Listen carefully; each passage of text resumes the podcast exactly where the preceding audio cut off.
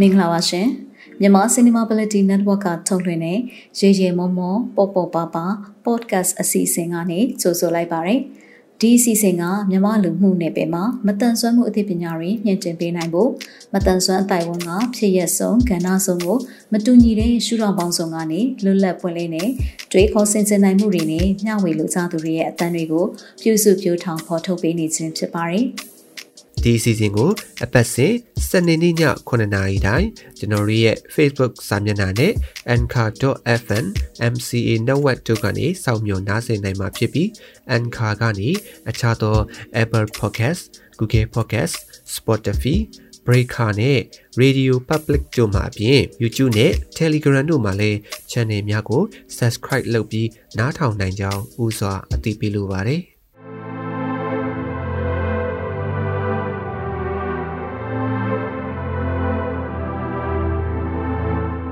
ကျွန်တော်တို့ MC network ရဲ့ရီမမဖို့ပပအစီအစဉ်ကိုနားဆင်နေကြတဲ့မိတ်ဆွေတွေအားလုံးနှစ်သက်မှာစိတ်ချမ်းသာကိုကျမ်းမာပြီးလူရဆန္ဒပြေဝကြပါစေလို့ဟေမန်လာရဲ့ရင်ခုန်တဲ့စကားဝိုင်းစီစဉ်ကနေနှုတ်ဆက်လိုက်ပါတယ်ခင်ဗျာကျွန်တော်ကတော့အစီအစဉ်တင်ဆက်သူပြဖြောအောင်ပါအခုအစီအစဉ်လေးမှာတော့အတန်ဆွမ်းညီကိုမောင်နှမတွေရဲ့ဆောင်းရည်နဲ့ပတ်သက်တဲ့အမှတ်တရလေးတွေ ခန်းစားချက်လေးတွေကိုနားဆင်ကြရမှာဖြစ်ပြီးမတန်ဆွမ်းတိုင်ဝိုင်းတွေကတန်ဆွမ်းသူမိသားစုဝင်တွေမိတ်ဆွေငယ်ချင်းတွေရဲ့စကားသံတွေကိုပါဒါတပါးတဲ့ပေါ့နော်နားဆင်ကြရမှာဖြစ်ပါတယ်အာပြီးတော့လေစောင်းရည်နဲ့သက်ဆိုင်တဲ့သချင်းလေးတွေကိုလည်းနားဆင်ကြရမှာဖြစ်ပြီးတော့အစီအစဉ်ရဲ့အဆုံးသတ်နားလေးမှာဆိုရင်လည်းထူးအစီအစဉ်တွေကိုစီစဉ်ထားတာဖြစ်ပါတယ်။ဒါကြောင့်မလို့ကျွန်တော်တို့မိတ်ဆွေတွေအတွက်ခံစားမှုရတမျိုးစုံကိုလည်းဒီစီစဉ်လေးကနေနားဆင်ရမှာဖြစ်ပါတယ်ဗျ။ဒါကြောင့်သုံးထိနားဆင်ပေးဖို့ကိုလည်းဖိတ်ခေါ်ချင်ပါတယ်ခင်ဗျ။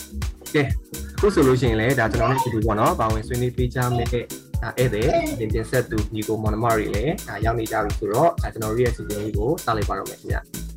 အခုအစီအစဉ်လေးမစခင်ပါဘောနော်ကျွန်တော်ဒီပါဝင်ပြီးတော့မှအဲတင်ဆက်ကြတဲ့ဧည့်သည်အစီအစဉ်တင်ဆက်သူညီကိုမောင်နှမတွေကနေပြီးတော့မှဒါတူးချင်းပေါ့နော်မိတ်ဆက်စကားလေးတွေအခုလက်တလောဖြစ်ပေါ်နေတဲ့ခံစားချက်ပေါ့နော် feeling လေးကဘယ်လိုဖြစ်နေလဲဒါလေးတွေကိုလည်းပြောပြပါအောင်နော်ရှင်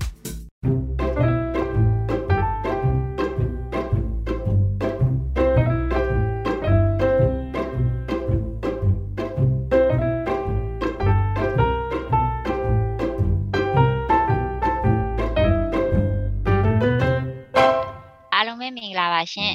မနာမည်ကတော့ဒီလောင်းလို့ခေါ်ပါတယ်။ကျမကတော့ဘဲချီပိုလီယိုပေါ့နော်။ဝင်းကမတန်ဆွမ်းသူတယောက်ပါ။ခုလက်ရှိကြတော့ဘယ်လိုမျိုးခံစားနေရလဲဆိုတကယ်ကိုဒီခေါင်းစဉ်နဲ့ကိုက်နေရပေါ့နော်။ဟေမန်ဆောင်းရဲ့တကယ်နေရာကိုရောက်နေတာပေါ့နော်။ရှမ်းပြည်တောင်ပိုင်းကိုရောက်နေတာပါ။အဲ့တကယ်ကိုအေးပြီးတော့မှပေါ့နော်။ဘ ယ်လိုမျိုးခေါ်မလဲတကယ်အငွေအသက်စစ်စစ်ကိုခံစားနေရတဲ့ဟိုအချိန်ပေါ့နော်အဲ့ဒီရက်တာကိုပြပါခံစားနေရတယ်နောက်တစ်ခုကကြတော့ကိုကနေရာနေပြီးတော့မှအခုရန်ကုန်တက်အလုပ်လုပ်နေရတဲ့ခါမှာမိဘတွေနဲ့ခွဲနေရတဲ့အချိန်ဆိုတော့အခုဆိုလို့ရှိရင်ဒီမိဘတွေနဲ့လာပြီးတော့ဗောနော်အတွေ့ရတဲ့ခံစားချက်ကတော့လက်ရှိကလေးကိုရဲ့အနောင်ဖက်လေးလေရန်ကုန်မှာထားခဲ့တာပေါ့နော်မျိုးသားနဲ့အဲ့ဆိုလောဆယ်ကိုကလေးပြန်လာလုံနေရပါအဖေမေစီမှာကိုကတသမီးနေရာကိုတကယ်အပြည့်အဝရောက်သွားတဲ့ခံစားချက်လေးတော့လက်ရှိအဖြစ်နေပါတယ်လို့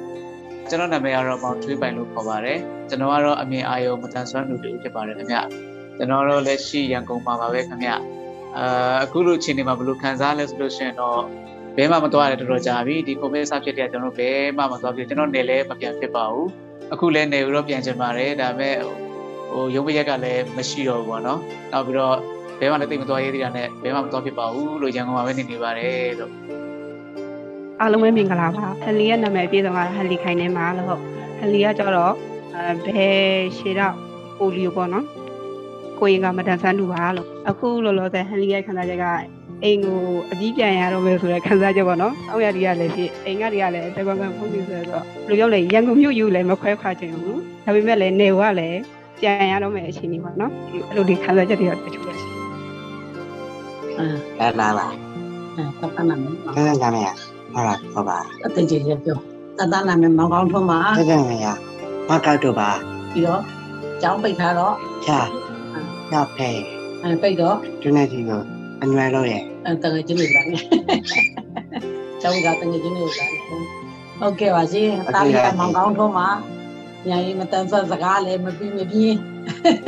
အဲကြောင့်အမေကူပြောပါတယ်သူကျောင်းပိတ်ထားတော့တငယ်ချင်းတွေလွမ်းပါတယ်တဲ့ကျမမောင်ကောင်းထုံးမိမိတော်မိမိခိုင်ပါရှင် အားလုံးမင်္ဂလာပါတောင်းရသည်ရမှတ်တယ်လေဆိုတော့ဒီရသည်ကတော့ခါတိုင်းလိုပဲပေါ့ပြောပါပါလေးရှိခြင်းပဲမဲ့ရှိရသေးဖို့တရားဟုတ်ကဲ့ကျွန်တော်နာမည်ကအာဇေညင်းလွင်ပါအဲကျွန်တော်ကတော့တန်ဆန်းလို့ပြောပါခင်ဗျအဲကျွန်တော်ကအခုအဲလက်ရှိတော့ကျွန်တော်ရန်ကုန်မှာပါပဲအဲဒီလက်ရှိအခြေအနေကကျွန်တော်ရဲ့ခံစားချက်ပြောရမယ်ဆိုတော့အဲ ရန်ကုန်ကဘယ်တော့မှဆောင်းရင်းဆိုမအေးခဲ့ဘူးဒါပေမဲ့ဒီဆောင်းတွင်းကတော့ဟိုတော်တော်လေးအေးတဲ့ခံစားချက်မျိုးရပါတယ်ရန်ကုန်မှာနေပြီးတော့ဟိုအေးတဲ့ဟိုရတာမျိုးရတယ်ငငယ်တော့အဲအေးရဲ့ຢာဒီရှိတဲ့နေရာမှာမြို့မှာမွေးလာတယ်ဆိုပေမဲ့လည်းလက်ရှိအခြေအနေကတော့အေးတဲ့ခံစားချက်လေးရတယ်ပြီးတော့ခုဘေးနားမှာအဲကလေးနှစ်ယောက်လည်းရှိတယ်ဆိုတော့ဘာပဲဖြစ်ဖြစ် ဒီသားစုရဲ့ဟို family တခုလည်းကျွန်တော်ရှိမှရတယ်အဲ့ feeling ရတယ်ပြီးတော့လက်ရှိယာဒီဦးရအဆင်ပြေတဲ့အနေအထားမျိုးမှာပဲရှိပါတယ်အာဟုတ်ကဲ့အကိုကြီးကလေးတွေလည်းနားမှာရှိနေရဲဆိုတော့အကိုဗာလဲညီလေးလားအာကျွန်တော်ကတော့သူတို့ညီလေးလို့သတ်မှတ်ရမလားပါလားတော့မပြောတတ်ဘူးဟုတ်ကဲ့ပါဒါစောင်းလေးမှာပြပြလုံနေတဲ့အကိုကြီးပေါ့နော်ဟုတ်ကဲ့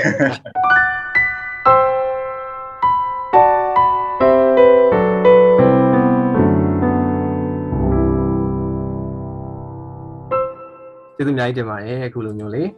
မိတ်ဆက်စကားလေးတွေပြောပေးတာရောဒါရင်းနှင်းခံစားချက်လေးတွေပြောပေးတာရောပေါ့နော်အဲ့တော့ဒီနေ့စီစဉ်လေးကနေဒါကျွန်တော်တို့ကဟိုဆောင်းရတီနဲ့ပတ်သက်တဲ့ပေါ့နော်အမှတ်တရလေးတွေကိုပြောကြရင်းနဲ့မှာမတန်ဆွမ်းသူတွေရဲ့ဒါဘဝအတွေ့အကြုံတွေပြီးတော့မတူညီတဲ့အဖြစ်အပျက်လေးတွေကိုလည်းဒါကျွန်တော်တို့လေ့လာခွင့်ရအောင်မှာဖြစ်ပါတယ်အဲ့တော့ကျွန်တော်တို့မတန်ဆွမ်းသူတွေအတွက်ကတော့ဒီဆောင်းရတီကာလဟာတကယ်ကိုအာအမှတ်တရအများစွာရှိနေတဲ့ကာလလည်းဖြစ်ပါတယ်ဗျအဲ့ တော့ဘာလို့လဲဆိုတော့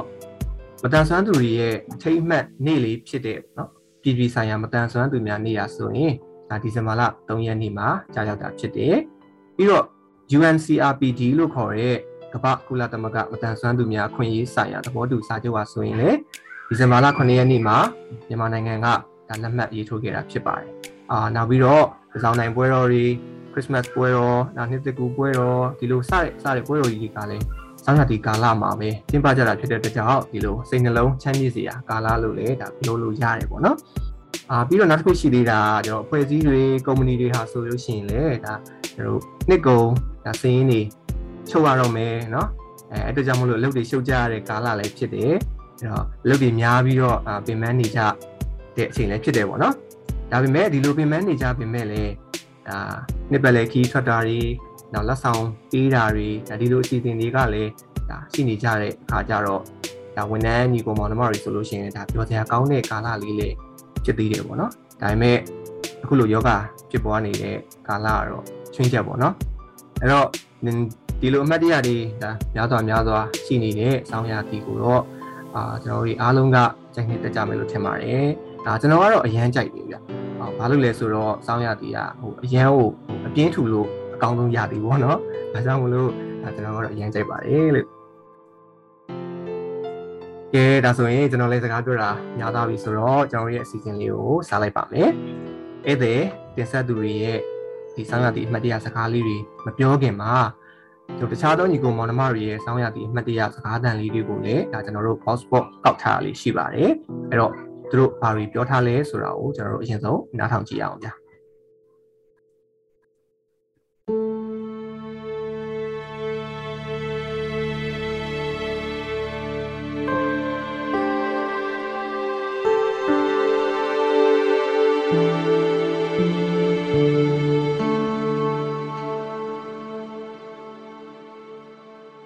ဆောင်းရည်နဲ့ပတ်သက်ပြီးတော့ဘဝမှာမမေ့နိုင်တဲ့အမှတ်တရတွေကတော့အများကြီးပါပဲနောက်ပြီးတော့ကိုယ့်ဘဝရဲ့အရေးပါတဲ့ဆုံးဖြတ်ချက်တွေကိုတိုက်ဆိုင်စွာပဲများသောအားဖြင့်ဆောင်းရည်မှာချဖြစ်တယ်လို့ဆိုလို့ရတယ်ပေါ့နော်နိုင်ငံခြားပညာတော်သင်စုလိုမျိုးအလောက်ကိုင်းခွင်လန်းလိုမျိုးနောက်ချစ်သူကိုဖြေပေးခဲ့တာမျိုးစသဖြင့်ပေါ့နော်ဒီထက်ကနေမှဥမာလေးတစ်ခုပြောပါဆိုလို့ရှိရင်တော့အလောက်ကင်ခွင်လန်းနဲ့ပတ်သက်ပြီးတော့မှကိုယ့်ဘဝမှာခက်ခက်ခဲခဲနဲ့အလောက်ကင်ခွင်လန်းတစ်ခုကိုရခဲ့တဲ့အဲ့ဒီတစ်ခုကိုပေါ့နော်ဟိုရွေးချယ်ဖို့ဆုံးဖြတ်ချက်ချတဲ့နေရာမှာဆိုရင်လည်းအခက်ခဲတွေအများကြီးထဲမှာမှခိုင်ခိုင်မာမာနဲ့ဆုံးဖြတ်ချက်တစ်ခုကိုချနိုင်ခဲ့တယ်ပေါ့နော်ဒါဆိုလို့ရှိရင်ကိုယ့်ဘဝမှာဘယ်တော့မှမမေ့နိုင်တဲ့အမှတ်တရတစ်ခုပါပဲ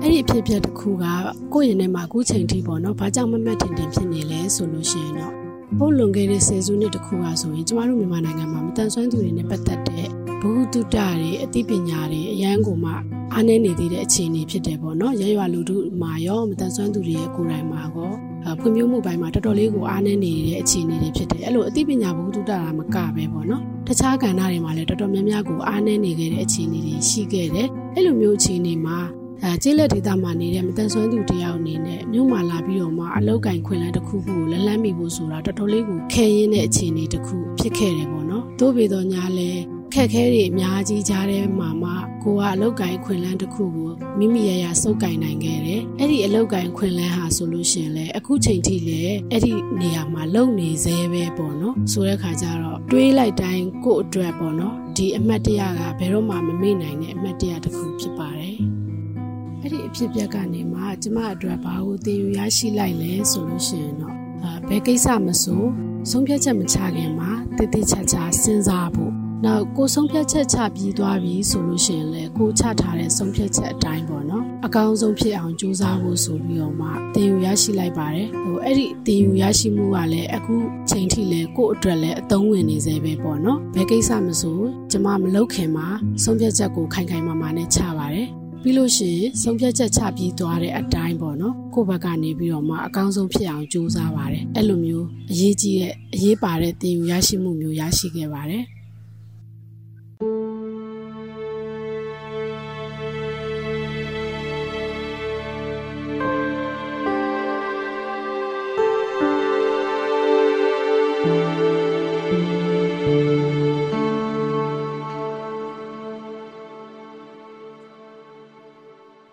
စောင်းရသည်နဲ့ပတ်သက်တဲ့အမှတ်တရတစ်ခုပြောပါဆိုရင်တော့အများကြီးတော့ရှိတာပေါ့နော်အဖေကဝန်ထမ်းဆိုတော့ငငယ်တုန်းကကျွန်တော်တို့ကဝန်ထမ်းလိုင်းခန်းနေမှာနေခဲ့ရတယ်အဲ့ဒီခါကျတော့ရွယ်သူတငယ်ချင်းတွေလည်းအများကြီးရှိတာပေါ့ပြီးတော့ဝန်ထမ်းမိသားစုတွေကလည်းအများကြီးလေပြီးတော့ကျွန်တော်တို့မြို့ကနေမြို့လေးဖြစ်တဲ့အတွက်ရာသီဥတုပြောင်းလဲမှုတန်ကိုတော့တော်တော်လေးခံရတယ်။နွေရာသီမှာဆိုရင်လည်းတော်တော်ပြင်းပြင်းထန်ထန်ပူရတယ်လို့ စောင်းတွင်းမှာဆိုလို့ရှိရင်လည်းအနှွေးတယ်ထူထူထဲထဲဝတ်ထားရတဲ့ဒေတာမျိုးပါပြီးတော့ကျွန်တော်တို့နေခဲ့ရတဲ့ဝန်ထမ်းလိုင်းကန်းမိသားစုတွေကစီစီလုံးလုံးလည်းရှိကြတယ်ညဘက်ဆိုလို့ရှိရင်လူစုတယ်စောင်းတွင်းမီးဖိုတွေပို့ပြီးမီးလုံကြတယ်ပြီးတော့ကောင်းချင်းတင်းဝါးတွေထမ်းမြစ်တွေမီးဖုတ်စားကြရင်နွေးတောက်ကြစကားတွေဖောင်ဖွဲကြနဲ့ဒီလိုနဲ့ပဲကျွန်တော်တို့ကစောင်းရသည်ကိုဖျက်တမ်းခဲ့ကြတာအဲ့ထဲမှာကျွန်တော်အတွက်အမှတ်တရဖြစ်ပြီးအခုချိန်ထိမမေ့နိုင်တဲ့အဖြစ်အပျက်တစ်ခုကိုပြောရမယ်ဆိုလို့ရှိရင်တော့ ကျွန်တော်နဲ့ရွယ်သူတငယ်ချင်းတွေစုပြီးတော့ဖျားပွဲစည်းသွားခဲ့တဲ့အမှတ်တရလေးတစ်ခုပါပဲကျွန်တော်တို့မြို့လေးမှာကပြာသူလနဲ့တပုတ်ရွဲလာဆိုရင်ဖျားပွဲတွေရှိရလေအဲ့တော့ဖျားပွဲစည်းတွေလည်းရှိတာပေါ့အဲ့ဒါကျွန်တော်တို့တငယ်ချင်းတွေရှောက်သွားကြတယ်ဖျားပွဲစည်းဆိုတော့သိတဲ့အတိုင်းပဲဗျာလူတွေကကြိတ်ကြိတ်ကိုတိုးနေတာတငယ်ချင်းတွေတယောက်နဲ့တယောက်မကွဲသွားအောင်အရန်ခယူးဆိုင်ရတဲ့အနေအထားမျိုးအဲ့လိုနဲ့ကျွန်တော်တို့လည်းတိုးရင်တိုးရင်နဲ့အသက်450အရွယ်လောက်ရှိမဲ့အမျိုးသမီးတဦးကိုဝင်တိုက်မိရဲ့ဗျ နောက်ကလူတွေကလည်းအရန်တိုးနေတော့ကြတော့ကျွန်တော်ကလည်းရှေ့ကိုစွတ်ပြီးတိုးလိုက်တာသူ့ကိုတော်တော်အရှိန်ပြင်းပြင်းဝင်တိုက်မိသွားပုံရပါတယ်သူလည်းလဲမလို့ဖြစ်ပြီးဟန်ချက်ပြတ်သွားတယ်ဗျကျွန်တော်ကလည်းအမြင်အာရုံမတန်ဆွမ်းသူဖြစ်နေတော့မမြင်ဘူးလေနောက်ကလူတွေတအားတိုးလာတာနဲ့ကျွန်တော်ကလည်းရှေ့ကိုလွတ်အောင်ရှောင်ပြီးတိုးလိုက်တဲ့သဘောမျိုးပဲဒါပေမဲ့တိုက်တိုက်ဆိုင်ဆိုင်သူ့ကိုမှဝင်တိုက်မိသွားတာဟုတ်အဲ့တော့သူကကျွန်တော်ပြဿနာဆရှာတယ်ဗျလူကိုမမြင်ဘူးလားဘာလားညာလားနဲ့ပေါ့ကျွန်တော်မြဲမြင်မှန်းလဲသူသိဖို့မရပါဘူး အဲ့တော့မှကျွန်တော်နဲ့အမြဲတမ်းတွဲပြီးတော့သွားနေတဲ့တငယ်ချင်းကကျွန်တော်အမြင်အာရုံမတန်ဆွမ်းသူတယောက်ဖြစ်ကြောင်းသူ့ကိုလာရှင်းပြအဲ့ဒီမှာရမယ်အဲ့ဒီအန်တီကသူ့ကိုဝင်တိုက်လို့ဒေါသထွက်နေတဲ့အရှိန်နဲ့ကျွန်တော်တအားပြောတော့တာပဲမျက်စိမမြင်ဖြစ်ပြီးတော့ဖျားပွဲလိုက်လာရသလားပါလားပြီးတော့ကျွန်တော်တငယ်ချင်းကိုလည်းနင်တို့ကလည်းမမြင်တဲ့သူကိုမှပွဲစည်းကိုခေါ်လာရသလားပါလား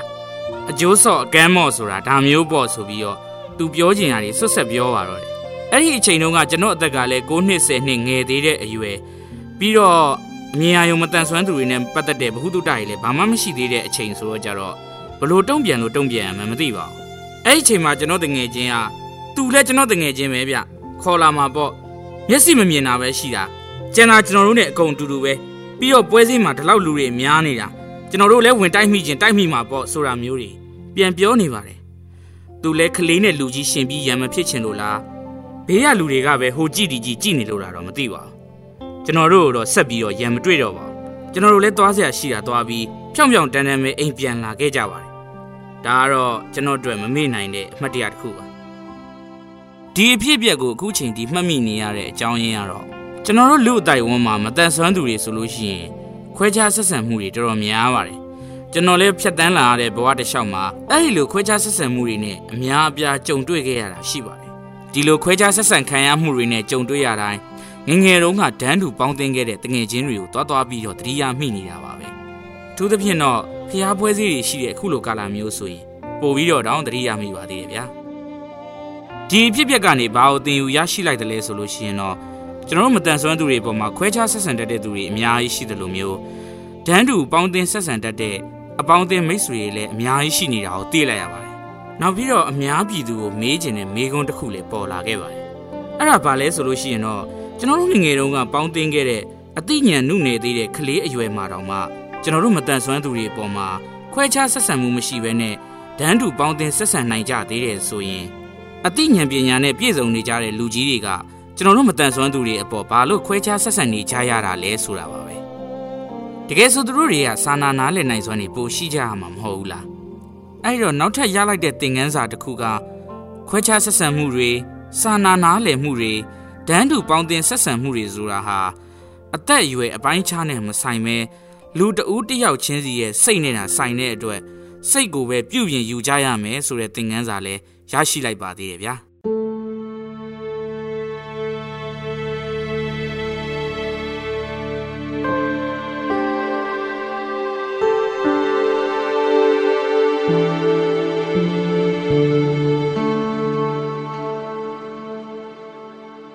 ဆောင်းရာသီနဲ့ပတ်သက်ပြီးအခုချိန်ထိရင်ထဲဆွဲဆွဲမြင်းမြင်းအမှတ်ရနေတဲ့အဖြစ်အပျက်လေးတစ်ခုကိုတွေ့ကြုံမှုပါတယ်။အဲဒါကတော့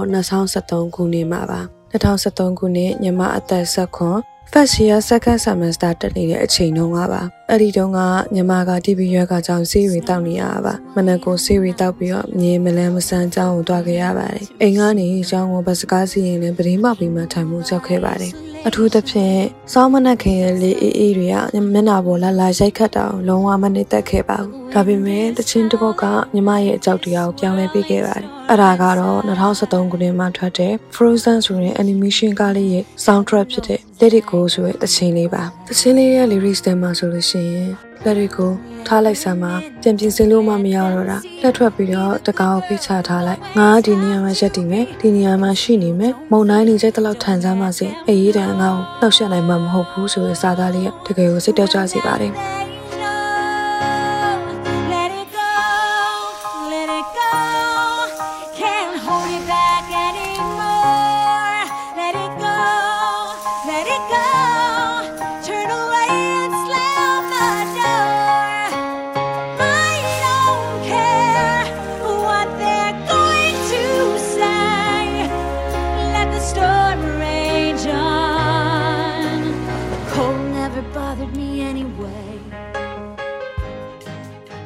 ယောဂကြောင့်အရာရာကိုလက်လျှော့ခြင်းစိတ်တဆအားငယ်နေတဲ့ကျမဒီတချင်းလေးရာစိတ်ခွန်အားပေးလိုက်တာပါ အဲ့ဒီချိန်ကစပြီးတော့အပေရောင်မှမကြောက်တော့ဘဲရင်ဆိုင်မှုကိုကိုကိုယုံကြည်မှုအပြည့်ရှိဖို့တတ်တည်မွေးနိုင်ခဲ့ပါတယ်ကျမရဲ့စိတ်ကူးစိတ်တန်းလေးကျမရဲ့ဘဝကိုဘယ်သူမှနာနှောက်ရှက်မှာမဟုတ်ပါဘူးသူတို့မှမကြောက်ပဲစိတ်ရင်ဆိုင်နိုင်မှုစိတ်ခွန်အားတွေဒီတချင်းလေးရတစင်ရခဲ့ပါတယ်ဒီဖြစ်ဖြစ်လေးရနေမှာကျမတွေကတချင်းလေးတဘောရုပ်ရှင်တကဒါမှမဟုတ်ကျမတို့နေထိုင်တဲ့ပုံဝန်းကျင်ကနေအမြင်စိတ်ခွန်အားယူနိုင်တဲ့အမြင်အသစ်သစ်တွေကိုထပ်ပြီးတော့လေ့လာနိုင်တယ်။နောက်ပြီးတော့အဲ့ဒီလေးလာနိုင်တဲ့ကျမရဲ့ဘဝလက်စင်းတွေကနေအကောင်းဆုံးဆက်ဆက်ကြိုးစားနိုင်ထပ်ပြီးတော့လေးလာသိယူနိုင်နေဆိုတာကိုစိတ်ထဲဆွဲမြင်းနေရသိရှိလေးလာနားလည်ခဲ့ရပါတယ်။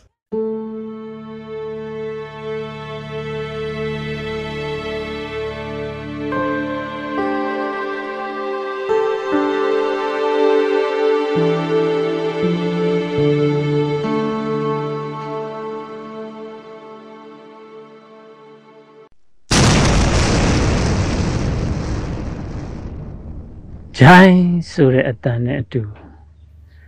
ကျွန်တော်ရဲ့ခန္ဓာကိုယ်လေးပေါ်မှာအနှဲငယ်မြောက်တက်သွားပါတယ်ပြန်ကြလာတဲ့အချိန်မှာ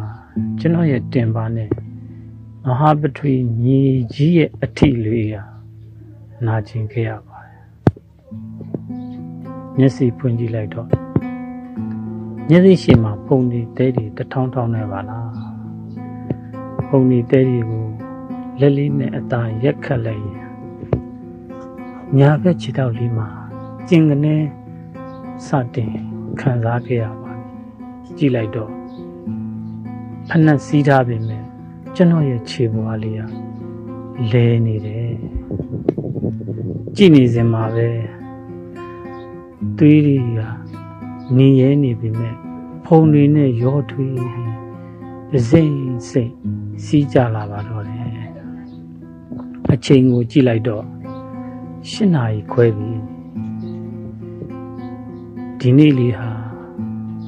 နိုဝင်ဘာလ10ရက်နေ့ဆိုတော့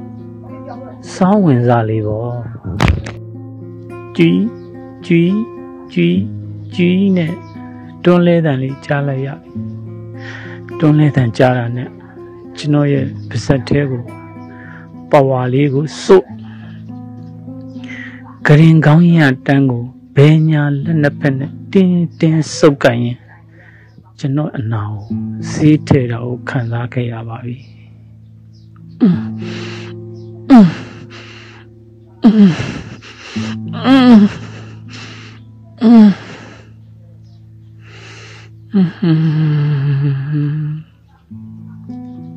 စေးထဲလို့ပြီးသွားတယ်ဆိုရင်ပဲကျွန်တော်ရဲ့ပဝါကိုဆွဲထုတ်လိုက်တော့ ပဝါမှာတည်ရည်တွေကရွှဲလို့နှစ်ဖူးတွေမျက်နာတွေလေပင်းတွေကိုစမ်းကြည့်လိုက်တော့ချွေးတွေကိုရွှဲနေတာပဲပေါ့ဗျာတိုင်ကနာရီလေးကိုလမ်းကြည့်လိုက်တော့မနဲ့9နာရီခွဲလေးရက်ဆွဲလေးကိုကြည့်လိုက်တော့ဒီဇင်ဘာလလလေပေါ့ဆောင်းတွင်ရာသီတစ်ခုပေါ့ဗျာ အသက်တရာတော့မနေရသေးပါဘူးအတွေ့အကြုံပေါင်းကတော့တရားမကတော့ဘူးပေါ့ဒုက္ခတွေကိုခံစားခဲ့ရစဉ်ကပျော်ရွှင်တာလေးကိုမမိနိုင်တယ်လို့ဒုက္ခဝေဒနာကိုခံစားရတော့လေမမိနိုင်ခဲ့ပါဘူးဆောင်းတွင်ရဲ့အငွေသက်လေးတွေကရှိနေသေးပါဩဘာလို့လို့လဲမနဲ့ပြန်ဆိုလွတ်လပ်ရင်းနေပဲ ခြေတုလေးစီးပြီးလမ်းလျှောက်ပြိုင်ပွဲလေးကိုဝင်နှွဲလိုက်အောင်မှာ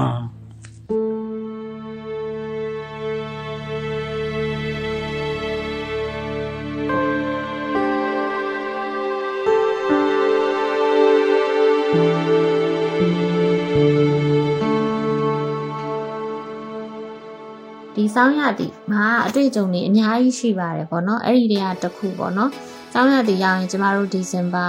အာဒီ Christmas ကြီးရဲ့ပြီးရဲ့ခါကျရင်ကျမတို့ဒီဇင်ဘာ3မှာကျမတို့မတန်ဆွမ်းသူတွေအတွက်ပေါ့နော်ဒီဇင်ဘာလရဲ့ International Day of Disability ပေါ့နော်ဒီ IDDB Day လည်းရှိပါတယ်ပေါ့နော်ဒါကစောင်းရသည်ရဲ့အမှတ်ရစရာတွေအများကြီးဖြစ်ပါတယ်အဲကျမကတော့ဒီစောင်းရသည်ဆိုရင်ဘာလုပ်တတ်လဲဆိုတော့ဟိုကျမ လမ်းလျှောက်ပါတယ်ဗောနော်ကျမအိမ်မှာကျမတလိမ့်ဆန်ချစ်တဲ့သူဖြစ်တဲ့အတွက်ကြောင့်ဟိုကျမခွေးလေးရှိတယ်ဗောနော်ကျမခွေးလေးနဲ့အတူကျမအိမ်ဗောကျမခြံဝင်ဟိုးဘက်လမ်းထီကိုကျမလမ်းလျှောက်လို့ရှိပါတယ်အဲ့ဒီမှာလမ်းလျှောက်တဲ့ခါကျတော့တမနက်ခင်ဗောနော်တမနက်ခင်ကျမလမ်းလျှောက်တယ်အရန်လဲအေးနေနှင်းနေကြနေတဲ့ခါကျတော့ အဲ့မှာကျမအနူးလေးဝစ်ပြီးတော့ခွေးလေးကိုဆွဲပြီးတော့ကျမသွားခဲ့တယ်ပေါ့ကျမတို့လည်းလမ်းမှာကားတွေကလည်းအရင်ရှုပ်တယ်ပေါ့နော်အဲ့ဒီမနက်ခင်းလေးမှာရင်လူတွေကအရန်မထွက်လာသေးဘူးဆိုပေမဲ့ဒီဟိုရုံသွားတဲ့လူတွေရှိတယ်နောက်ပြီးတော့ဟိုဟိုသူတို့ရဲ့တက်ဆိုင်ရအလုပ်တွေကိုလုပ်နေတဲ့လူတွေရှိတယ်ပေါ့အခွေးလေးကိုဆွဲပြီးတော့သွားတဲ့အခါမှာကျမကတီတီနဲ့မလန်းလျှောက်ပြီးသွားနေတဲ့အချိန်မှာ ကျမရဲ့မျက်နှာချင်းဆိုင်တစ်ဖက်မှာပေါ့နော်ဟိုလူတယောက်ကပြေးလာနေပါတယ်အဲ့ဒီပြေးလာနေတဲ့ဟိုတက်တိုက်ဆက်ဆိုင်ကျမ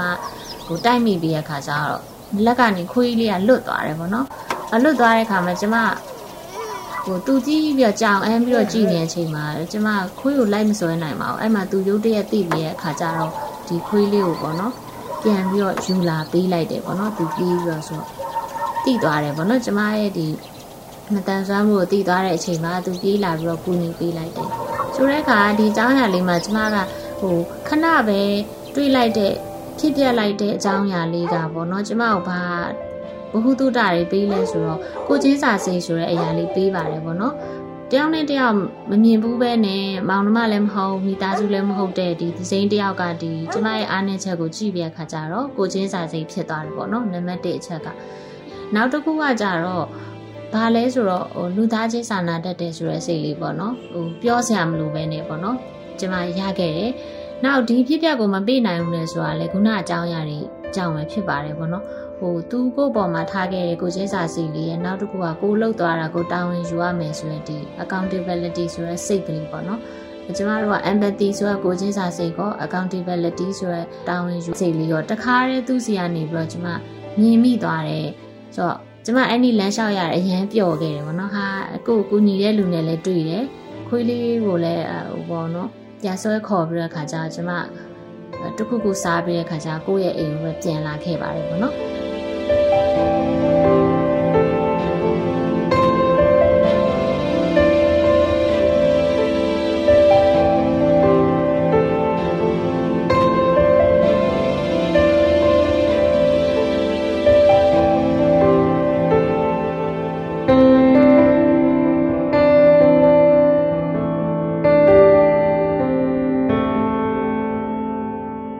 ကျွန်တော်တခြားသောညီကိုမောင်နှမတွေရဲ့စောင်းရသည့်အမှတ်တရအာဒါရင်းနှီးဖြစ်နော်စကားတန်လေးတွေကိုနားဆင်ပြီးတော့တဲ့အခါမှာကျွန်တော်တို့ဒရရှင်တွေအတွက်တေးဆရာရွှေကျော်ကျော်ရေးသားထားတဲ့အလန်းနှစ်ကူဆိုတဲ့သချင်းလေးကိုဖွင့်ပြခြင်းပါတယ်အဲ့တော့ဒီသချင်းကိုတော့ကျွန်တော်ဒီအမြအရုံမတန်ဆွမ်းသူမနီယူခင်ကနေပြီးတော့မှ cover version အနေနဲ့သိဆိုပေးထားတာဖြစ်ပါတယ်ဗျနားဆင်ပေးကြပါဦးနော်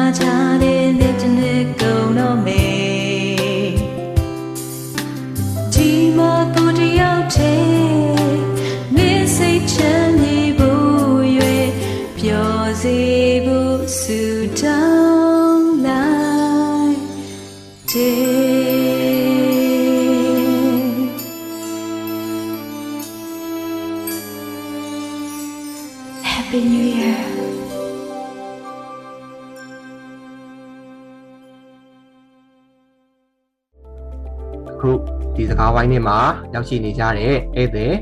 တင်ဆက်သူတဦးဖြစ်တဲ့မတ်တင်နီလာဝင်းကိုအရင်ဆုံးကျွန်တော်ကဖိတ်ခေါ်ချင်ပါတယ်။တော့ဆောင်းရသည်နဲ့ပတ်သက်တဲ့အမတ်တရားလေးတွေခံစားချက်လေးတွေဒါလေးတွေကျွန်တော်ပြောလို့ရပါတယ်ဗျ။ဆောင်းရသည်ကတော့ဟိုမျိုးခေါ်မလူတိုင်းကိုပြပြောသွားတယ်လို့ပေါ့နော်လူတိုင်းကြိုက်တယ်လို့ပြောတယ်လို့ပဲဟိုကျမလည်းအရင်နှစ်သက်တဲ့အရာလို့ပြောလို့ရတယ်ပေါ့နော်ဆိုတော့ဘာဖြစ်လို့လဲဆိုတော့ဆောင်းရသည်က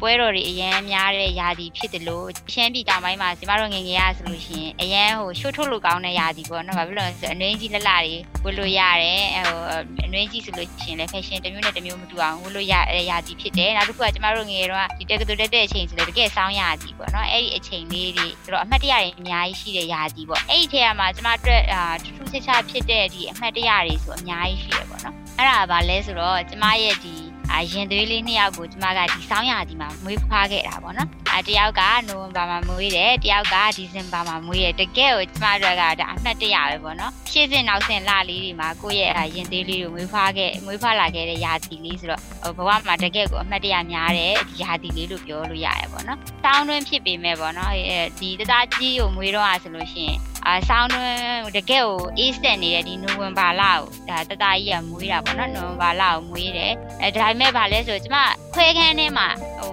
သွားတဲ့အချိန်မှာလေခွဲခန်းထဲမှာအေးမနေဘူးပေါ့နော်။ဘာလို့ခွဲခန်းထဲမှာလေစောင်းရသည်လည်းဖြစ်တယ်။နောက်ပြီးအဲကွန်းလည်းဖွက်ထားတယ်။ဒါပေမဲ့ဟိုဒီကိုဝင်ဆောင်ရဲ့ဟိုဟွာလာတော့မသိဘူးပေါ့နော်။အဲခွဲခန်းထဲကိုဝင်တဲ့အချိန်မှာလုံးဝကိုအဲ့လိုပေါ့နော်။အေးမနေဘူးပေါ့နော်။ဟိုသူများတွေခိုက်ခိုက်တုံပြီးအနှွေးတွေထက်ထက်ဝတ်ထားတဲ့အချိန်မှာကိုကခွဲခန်းဝတ်စုံနေကိုပဲအဲအေးမနေတဲ့အမှတ်တရလဲဟိုကျမအတွက်ဟို တမျိုးလေးခံစားရတယ်ပေါ့ဟေးဒီလောက်အေးတဲ့ရာဒီမှာငါအေးမနေဘူးပေါ့နော်အဲ့လိုမျိုးပေါ့နော်အဲဘယ်အချိန်မှပြန်အေးလဲဆိုတော့အဲ့လိုခွဲစိတ်ခံတွေကထွက်လာပြီးတဲ့ခါကျတော့မှအဲ့လိုခိုက်ခိုက်တုံအောင်ပြန်အေးတာပေါ့နော်ဒါကလည်းဟိုထူးထူးခြားခြားလေးပဲပေါ့နော်အဲတသားငယ်လေးကိုဆိုလဲဟာဒီဇင်ဘာမှာမွေးတယ်ပေါ့နော်ဒီဇင်ဘာမှာမွေးတယ်ဆိုတော့ခါကျတော့အာအဲ့ဒီဇင်ဘာလဆိုလဲတကယ်ကိုအေးဆုံးလပေါ့နော်အေးဆုံးလမှာမွေးဖွားခဲ့တယ်နှစ်ယောက်လုံးကိုဘယ်လိုမျိုးကမလဲကိုကခွဲမွေးရတာဖြစ်တဲ့အတွက်ဟို ခွဲကန်းအေးအေးထဲမှာမွေးခဲ့ရတာပေါ့နော်ရောက်လုံးဒါပေမဲ့ကျမတို့တော့အဲဒီအရန်အေးချမ်းမနေဘူးပေါ့နော်ဟိုဒီမျိုးကမလဲဟိုအေးတဲ့ယာတီလေးမှာဒီကိုယ့်ရဲ့ရင်သွေးလေးတွေကိုမွေးဖွားရတယ်ဆိုတဲ့ဒီခံစားချက်ကပေါ့မျိုးမျိုးကမလဲအဲအေးတာဟိုတော့မှဟိုမခံစားမိဘူးကွာတိလာအခုမှဟိုကြည်နူးနေတာတွေပျော်နေတာတွေနဲ့ဒီစောင်းလေးอ่ะပေါ့နော်ဟိုကိုယ့်အတွက်မိသားစုအစ်စ်လေးတွေကိုကြိုဆိုရတဲ့ nutrient တဲ့ခံစားချက်လေးနဲ့ဟိုစောင်းရတာကိုခံစားရတယ်လို့ပြောရင်မမှားဘူးပေါ့နော် အားကြောင့်မလို့ကျမတို့ကတော့ဒီဆောင်းရာသီကအရန်ကြိုက်တယ်ဟိုကျောင်းဆိုလို့ရှိရင်လည်းပဲဒီဆောင်းရာသီမှာပျော်ပျော်ရှင်တက်ခဲ့ရတဲ့ဒီကျောင်းသားဘဝရဲ့အငွေအသက်တွေလည်းအများကြီးရတယ်နောက်တစ်ခုကကျမရဲ့ရင်သေးလေးကိုဆိုလို့ရှိရင်လည်းဒီနှစ်ယောက်လုံးကိုဆောင်းရာသီမှာမွေးဖွားနိုင်ခဲ့တာလည်းဒီလိုမျိုးခေါ်မလဲဒါကြိုတင်ပြီးတော့လှုပ်ထားရင်တောင်မှဖြစ်ချင်မှဖြစ်မယ်ပေါ့နော်ဒီကတော့ဒီလိုရှေ့စင်နောက်စင်နိုဝင်ဘာနဲ့ဒီဇင်ဘာဆိုတာပြောတာပေါ့နော်ဒါထူးထူးခြားခြားလေးအဲကျမအတွက်ကတော့ကြုံရတဲ့ကျမလည်းကြိုက်နှစ်သက်တဲ့ရာသီလေးလို့ပြောရင်လည်းမမှားပါဘူးလို့ ဟုတ်ကဲ့ပါဗျာအဲ့တော့ဒါတကယ်ဥမပေါ့နော်ဘတ်တင်လာဝင်ရဲ့ဒါအတွေ့အကြုံတွေအာဆောင်းပါတီကိုဒါအကြရတဲ့အကြောင်းလေးတွေပေါ့နော်အဲဒါလေးတွေကျွန်တော်တို့ပြောသားခဲ့တယ်ပေါ့နော်အာပြီးတော့အာရန်ကိုစစ်စရာကောင်းတဲ့ဒါလေးနှစ်ယောက်ရဲ့ဒါမိခင်တွေဖြစ်တယ်ဆိုတော့အာပြောစရာကောင်းတဲ့ဒါမိသားစုလေးတစ်ခုပေါ့နော်ဒါကျွန်တော်တို့အတန်ဆွမ်းသူတွေကအခုလိုမျိုးတည်ထောင်ထားနိုင်တယ် နော်တည်ထောင်ထားနိုင်တယ်ဆိုတဲ့အခါကျတော့လေဒါဟိုကျွန်တော်တို့လူပြိုကြီးတွေအတွက်တော့အားကြစရာပေါ့ဗျာဟုတ်ကဲ့အဲ့တော့ဟိုကျွန်တော်လည်းဘာဖြစ်ဖြစ်ပေါ့နော်ကို့အစီအစဉ်တင်ဆက်ရင်းနဲ့ဒါကြော်ညာလေးရောက်ဝင်ရတာပေါ့နော်ဟုတ်ကဲ့ပါကဲအဲ့တော့ဟိုတလက်စတယ်ပေါ့ဗျာကျွန်တော်မတင်လာဝင်ဆွေးနွေးပြီးသွားတဲ့အခါမှာကျွန်တော်တို့အခုအစီအစဉ်ကိုနားဆင်နေတဲ့ကျွန်တော်ရဲ့သောတာရှင်တွေမသိသေးတဲ့အချက်လေးတစ်ချက်ကိုလည်းကျွန်တော်တို့ဒါ နည်းနည်းလေးဝင်ပြောရင်းနဲ့မှဒါနောက်တစ်ယောက်ကိုကျွန်တော်ဖိတ်ခေါ်ခြင်းတယ်ပေါ့နော်ဒါကတော့ကျွန်တော်အဲတေးလဲထိုးတာပေါ့နော်အဲ့တော့အခုဆက်ပြီးတော့မှဆွေးနွေးပေးမယ်ကျွန်တော်ညီကိုတယောက်ကိုခေါ်ကြပါတယ်ညီကိုဆိုတာထက်အကိုကြီးပေါ့ဗျာဒါကျွန်တော်လည်းဆိုလို့ရှိရင်လည်းဒါညီကိုလို့တကယ်ဟိုမှဟိုခင်မင်ရတဲ့အကိုကြီးကြောင့်ဖြစ်တယ်ပေါ့နော်ပြီးတော့ခုနပြောသွားတဲ့လတ်တီနီလာဝင်းရဲ့ခင်မုန်းလည်းဖြစ်ပါတယ်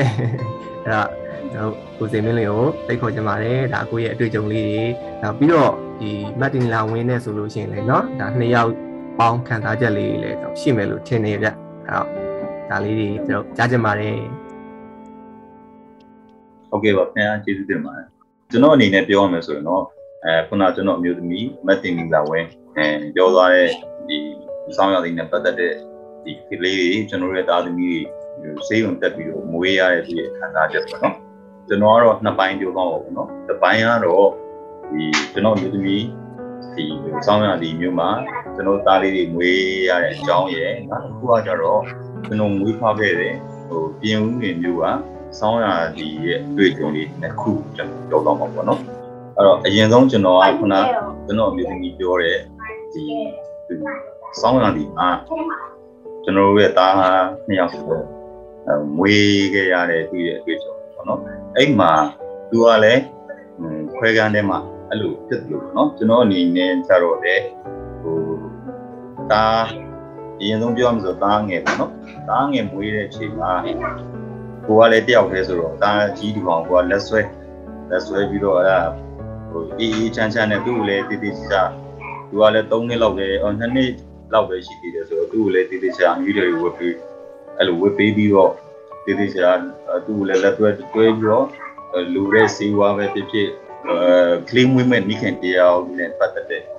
အသုံးဆောင်ပစ္စည်းပေါ့နော်အစားအစာရအစားအသောက်ပဲဖြစ်ဖြစ်ပါပဲဖြစ်ဖြစ်အဲ့လိုဟိုချမ်းချမ်းစီစီနဲ့မနဲ့စောစောဆိုလဲမနဲ့စောစောပေါ့နော်အဲ့လိုဟို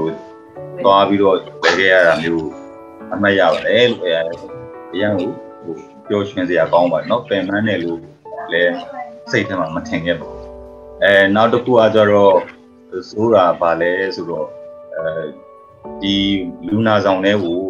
ယောက်ျားလေးမဝင်ရဘူးဆိုတော့ကျွန်တော်မှပြဿနာဘာဖြစ်လဲဆိုတော့သူ့ကိုလည်းကျွန်တော်ကဟိုပစ္စည်းတွေသွားပေးရင်ခက်တယ်လေဟုတ်ဘယ်လိုပေးလို့ပေးရမလဲမသိဘူးပြီးရင်ဝယ်လာပြီဆိုရင်သူကအချိန်ကတ်တတ်နေဆိုတော့အဲတော်တော်အဲ့ဒီဟာတော့တော်တော်ဆိုးတယ်ဒါပေမဲ့အဲ့ဒီချိန်မှာချမ်းချမ်းစီစီနဲ့သွားပြီးတော့ဝယ်ရင်ဒီနဲ့ဒါလည်းစိတ်ကောင်းဖြစ်တယ်အဲနောက်တစ်ခုအမှတ်တရတော့အဲကျွန်တော်က ဟိုဆေးဥမှာအိတ်လူအိတ်ပြီးတော့စောင့်လို့မရတဲ့အချိန်ကြတော့ကျွန်တော်ကတားကြီးကိုခေါ်ခေါ်ပြီးတော့လူလူရာရှိတာလေးဝယ်လေးပြီးတော့ကျွန်တော်ကတားကြီးနဲ့အဲတဲ့ခုဘက်မှာသွားအိတ်ရတယ်ပေါ့နော်ဘလို့သွားအိတ်ပြီးတော့အဲတော်သေးတယ်တားကြီးကလည်းမအီဘူးအဲဆိုးလည်းမဆိုးဘူးပေါ့နော်ဒါပေမဲ့တခုပဲအဲအမှတ်တရလေးကပါလဲဆိုတော့အာတားကြီးကလည်းနှစ်နှစ်လောက်ပဲရှိသေးတယ်သူကတဲ့ခုဘက်မှာတိပုတ်ချခဲ့တယ်ဗျာ အဲ့ဒါကိုအဲ့ဒါကိုကျွန်တော်ကဟိုဘယ်လိုပြောမလဲမတိမတာရဲ့စောင်းလေးပါရနေညာညာတွင်ချင်း tissue တလိပ်ဝယ်ပြီးတော့ tissue နဲ့စုပ်စုပ်အဲ့လိုတုပ်ပြီးတော့ဒါစောင်းလေးနဲ့ဖိခဲ့ပြီးတော့မှအေးရညရုံကျွန်တော်ဖြည့်ရှင်းခဲ့ရတော့နော်အေးအေးတွေ့ကြုံပြီးတော့ဒါကျွန်တော်ကလေးလေးမွေးရတဲ့ပတ်သက်ရှိပါတယ်လို့အဲ့အမှတ်တရကြီးကြီးပေါ့နော်အဲအဲ့လိုရှိတယ်လို့ အကြီးတယောက်မွေးတော့လေအဲ့လိုအကြီးတယောက်မွေးတော့လေအဲကျွန်တော်တို့ကအကြီးတယောက်မွေးတော့ကျွန်တော်တို့ရန်ကုန်မှာလုပ်လုပ်တယ်ဆိုတော့ကျွန်တော်ကအဲအဲ့ဘက်တောင်ကြီးမှာတောင်းမွေးတာပေါ့တောင်ကြီးမှာတောင်းမွေးတော့သူကလည်းနိုဝင်ဘာ30ဆိုတော့ဒီဇင်ဘာပဲဝင်တော့မယ့်အချိန်ဆိုတော့အရင်အေးတဲ့အချိန်နော်အဲ့ဒီအချိန်တော့လည်းအဲ့လိုပါပဲအဲ့လိုပါပဲဆိုတော့ဒီလိုပဲပထမဆုံးအတွေ့အကြုံဆိုတော့အာ ဟိုလူမဲ့ထင်တာပေါ့ကိုဖေမေတွေပြောခဲ့တဲ့ဟာတွေလူမဲ့ထင်တာတွေကိုဟိုကိုလုတ်တယ်နောက်ဆုံးကိုကျွန်တော်ဖေကပြောခဲ့တာ။အဲငါသားမင်းကလေးမွေးတာတံမြာသီးတစ်လုံးအစားမင်းအရေးကြီးတယ်နော်။အတူလေးတစ်ချောင်းအစားအရေးကြီးတယ်မင်းအဲ့ဒါဘာပဲဖြစ်ဖြစ်ပြည်စုံအောင်ဆောင်ရတယ်ကလေးမွေးဆိုတာမလွယ်ဘူးဆိုတာမျိုးပေါ့နော်။အဲ့လိုမျိုးပြောခဲ့တာတွေကိုကျွန်တော်လည်းတတ်နိုင်တယ်လို့ပေါ့နော်။ကြိုကြိုပြီးတော့လုပ်တာမျိုးတွေပေါ့နော်။အဲ့ဒီအတွေ့အကြုံပေါ့နော်။အဲ့ဒါဒီ အမှတ်တရဖြစ်ပါတယ်လို့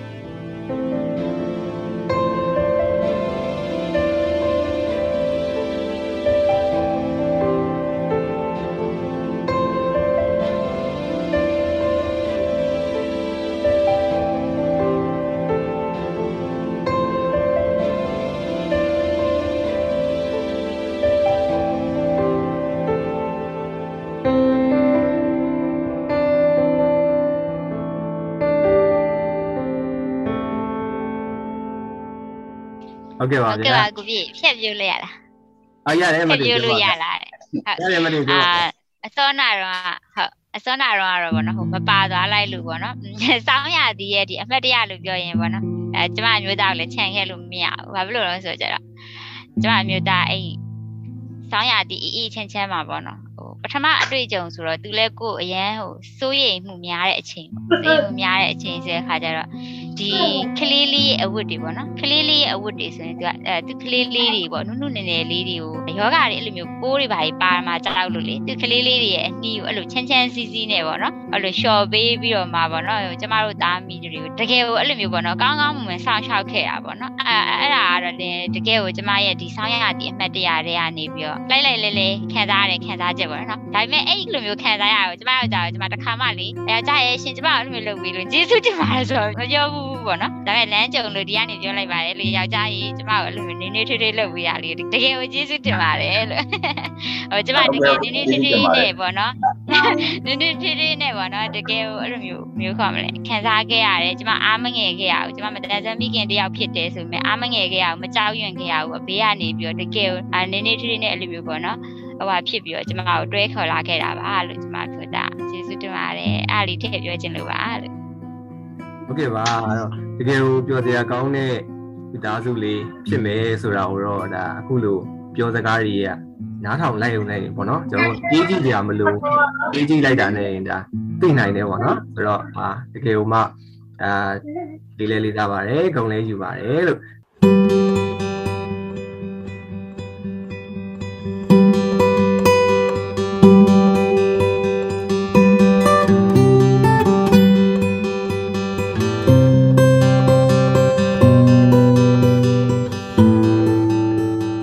နောက်တစ်ခုကကြတော့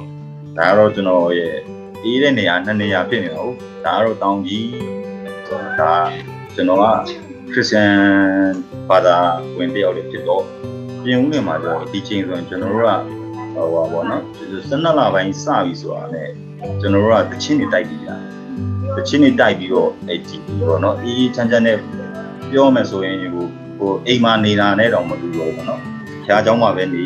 အဲဖျားကြောင်မှာပဲတချင်းတိုက်ဒီဖျားကြောင်ကဒီကိုယ့်ရဲ့တငယ်ချင်းတွေနဲ့ပဲဒီလိုဘောပါပေါ့နော်ဒီလောက်ကိုဆင်ဆင်ဝဲတော့ပေါ့နော်ဝဲတော့ Christmas တော့အဲမကယ်ရယ်ဆိုဖို့လုပ်ပေါ့နော်ဒါလည်းသိပြောကြကောင်းပါအဲနောက်တစ်ချက်ကတော့ကျွန်တော်တို့ကယ်ရယ်ဆိုတဲ့အချိန်မှာကျွန်တော်ရဲ့ဒုက္ခပါလဲဆိုအရန်ဤရဗျာအရန်ဤတော့ကျွန်တော်တို့ကတရက်တရက်ကိုအိမ်က3 4 50ဟိုဖိတ်ထားတယ်ကျွန်တော်တို့ကတိမ်ကိုအနည်းဆုံး3 3လောက်ဆိုတော့ ဟို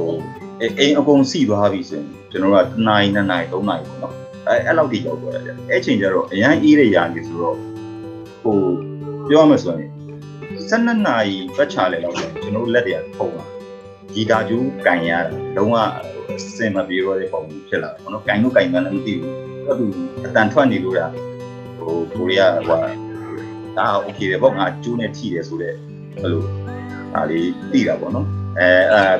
အဲ့ဒါလည်းမှတ်တရပါပဲဒါဘယ်လိုပြောမလဲဟိုညာကြီးတကောင်လမ်းမေးမှာချင်းဆိုတာတဲ့ကျွန်တော်တို့ဒီ Christmas ပွဲတော်တက်ခဲ့တဲ့ဆက်တဲ့အချိန်မှာကျွန်တော်တို့ဒီအေးအေးချမ်းချမ်းနဲ့ဟိုတငယ်ချင်းတွေအပေါင်းပေါ်ပြီးနဲ့ဘယ်လောက်ပဲအေးအေးအဲ့လိုမျိုးပေါ့နော်သွားခဲ့ရတဲ့အချိန်တွေကိုရန်တတိရပါတယ်လို့အဲကြောင့်ကျွန်တော်တို့ပြင်းနေမျိုးလေးရတယ်အရန်အချမ်းပါတယ်ငွေလေးလည်းကောင်းပါတယ်ကျွန်တော်လည်းအဲ့ဒီຢာဒီဦးလေးကိုသိကြိုက်ပါတယ်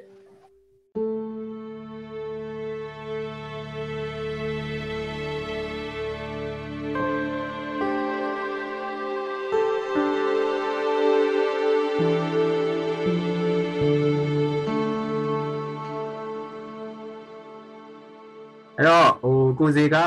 အခုလက်ရှိမှာတားလေးနှစ်ယောက်နဲ့ဒါအိမ်မှာရှိနေတယ်ဆိုတဲ့ခါကြတော့ဗောနော်ကျွန်တော်တို့အာဒီတားလေးနှစ်ယောက်နဲ့လည်းကျွန်တော်တို့ရဲ့တတ်ရှင်တွေကိုမိတ်ဆက်ပေးပါအောင်ကိုဟောဟုတ်ကဲ့ခင်ဗျဟုတ်အဲဒါလေးတွေကိုခေါ်လိုက်ပါဦးအကြီးကတော့ဟန်တင်တတ်ပါတိုင်းအနောသားကြီးဟန်တင်တတ်ပါအဲသူ့ရုပ်ကတော့မျက်လုံးလေးကဝိုင်းဝိုင်းပေါ့ဗျာဟုတ် ချစ်ကောင်းပါလေသူ့ပေါ်မှာသပင်းသပင်းဝဲပြီးလေးရဟိုအုံမခေါ်လို့ညက်တာအဲအတားကြီးပါဟန်တွင်တက်ပါခင်ဗျာဟုတ်ဒါကြီးအားကြီးစကားလေးပြောပြပါဦးတော့တားကြီးကစကားပြောမဦးလို့အဲ့နာမည်တူပါအဲ့နာမည်နဲ့ပြပြဒါကြိုက်တယ်အနိမေအကုန်ပြပြဟတ်တန်တန်ဟန်ဆန်ရန်ရှန်အဲ့အရရှိရတတရုတ်နာမည်ရယ် အင်္ဂလိပ်နာမည်ရယ်မြန်မာနာမည်ရှိအာနာမည်ကြီးအများကြီးပဲကွာဟုတ်ကဲ့ပါတေသားကြီးကညီလေးကိုခေါ်လိုက်ပါဦးညီလေးကိုလည်းမိတ်ဆက်ပေးပါဦးဒီကြီးရဲ့နောက်တော့နောက်တော့ဟုတ်အဲ့နာမည်တူတယ်ကတ်ဒါနာမည်ကဒီလင်းတန်ခင်ဗျာဒါညီဒါဒါနာမည်ကဒီလင်းတန်ပါခင်ဗျာဟုတ်ကဲ့ပါခင်နာမဗျာည်ကကျတော့ရီကာဒို ဒါမှတယောက်နာမည်မရှိဘူးအဲ့လောက်ပဲ။အော်ဒါမှတရုတ်နာမည်မရှိဘူး။ဟုတ်ကဲ့ပါအဲ့တော့အရန်ဟိုဒါချစ်ဖို့ကောင်းတဲ့ဒါသားလေးတွေရဲ့ဒါမိတ်ဆက်စကားတန်အောင်ပေါ့နော်။ဒါနားဆင်ကြရတာဖြစ်ပါတယ်။ဟုတ်ကဲ့ပါခင်ဗျာအဲအဲ့တော့ကျွန်တော်တို့ဒီရှိရဂုံနဲ့မနဲ့ဒါရင်းနှင်းခံစားချက်လေးတွေအတွေ့အကြုံလေးတွေကိုဒါနားဆင်ပြီးသွားတဲ့အခါမှာအခုသရရှင်တွေကိုတခြင်းလေးတစ်ပုတ်ဖွင့်ပြခြင်းပါတယ်ခင်ဗျာ။ အခုကျွန်တော်ဖွင့်ပြမယ့်တခြင်းလေးက